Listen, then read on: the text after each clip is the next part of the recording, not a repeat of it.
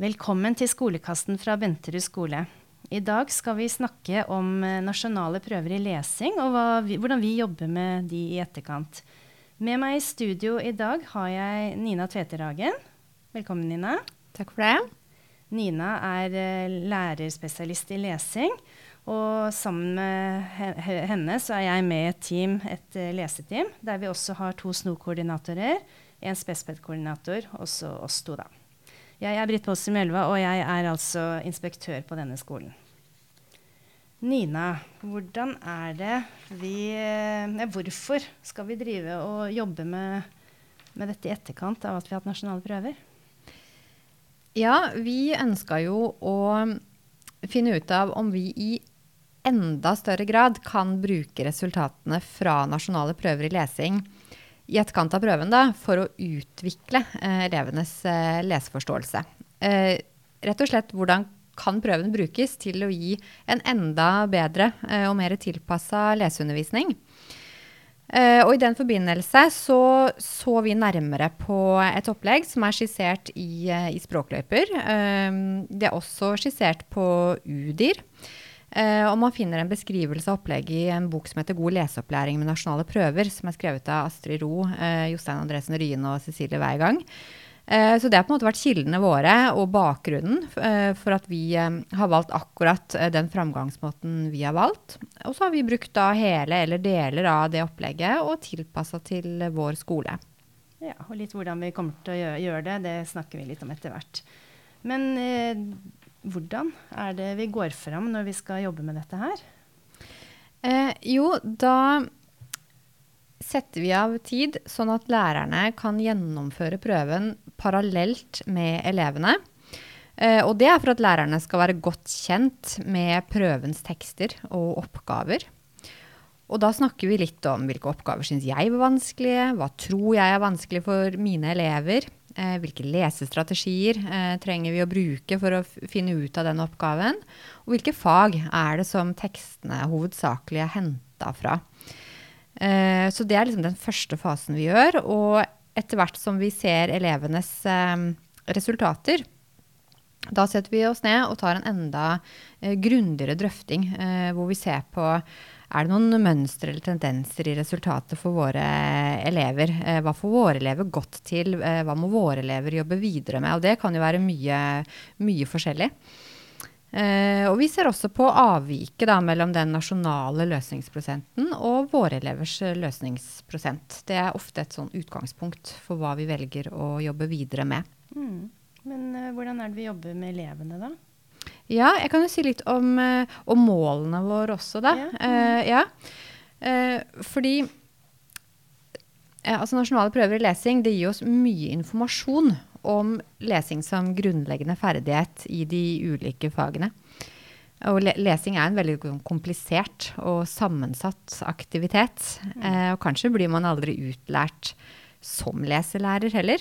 og man er jo leselærer i alle fag. Så lesing det er jo et veldig bredt felt. Um, så vi tenker at vi ved å fokusere da på, på, nasjonale prøver i etterkant, så kan vi bidra til å styrke bevisstheten og øke kunnskapen om lesing som grunnleggende ferdighet i de ulike fagene. For det er jo veldig viktig at alle lærere identifiserer seg som leselærere. Hva betyr det f.eks. å lese i samfunnsfag i forhold til naturfag? For ulike fagtekster krever jo ulike lesemåter. Og hva er det jeg bør fokusere på i leseopplæringen i mitt fag? Eh, så vi prøver å få til at man sammen på trinnene kan reflektere over leseutfordringer i de ulike fagene, samtidig som man undersøker egen praksis eh, nærmere. For god mm. leseopplæring det krever jo samarbeid.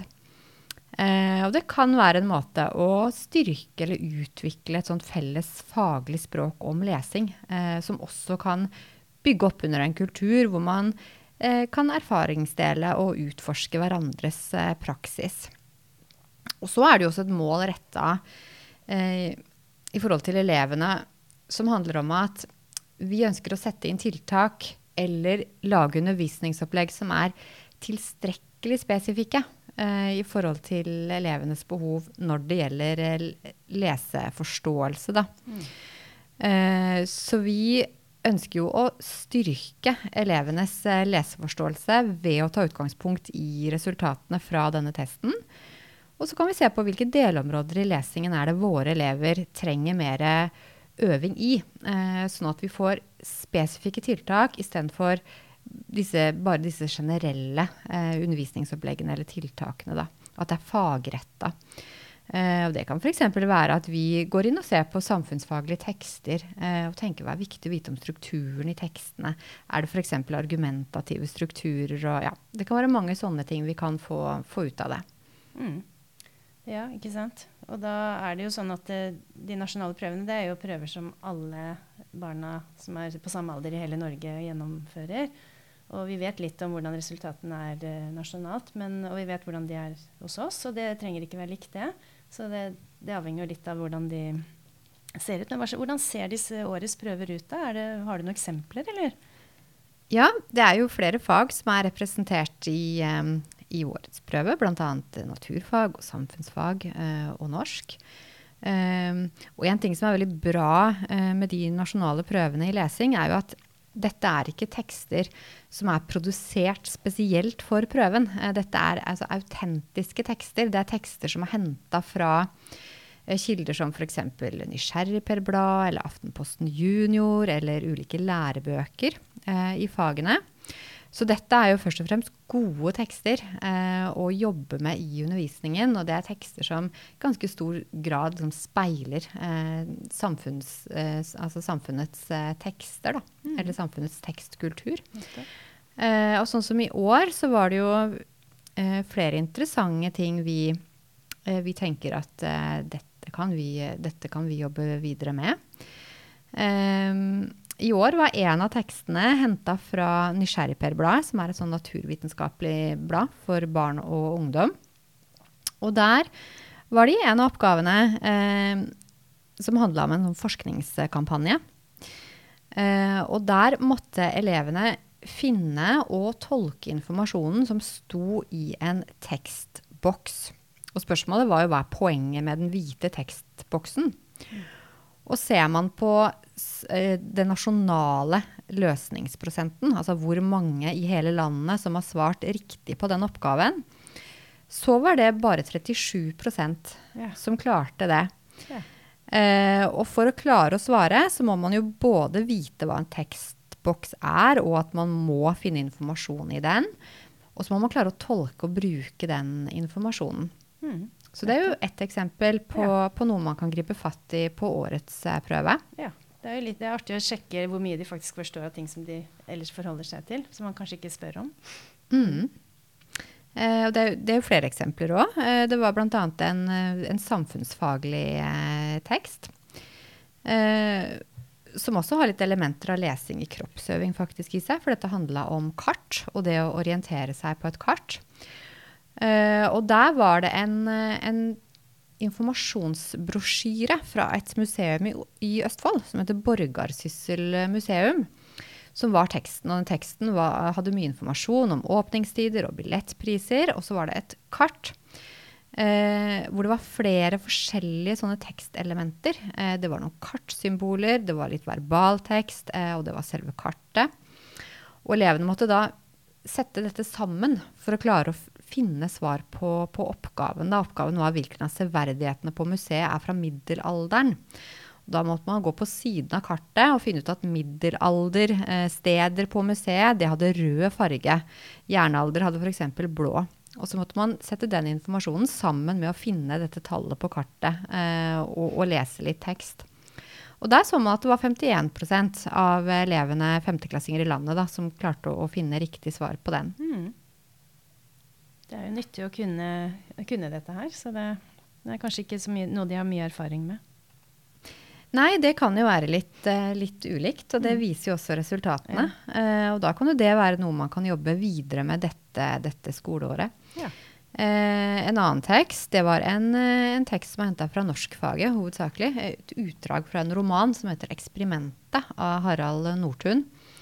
Og der måtte elevene eh, forstå eh, brudd på kronologi.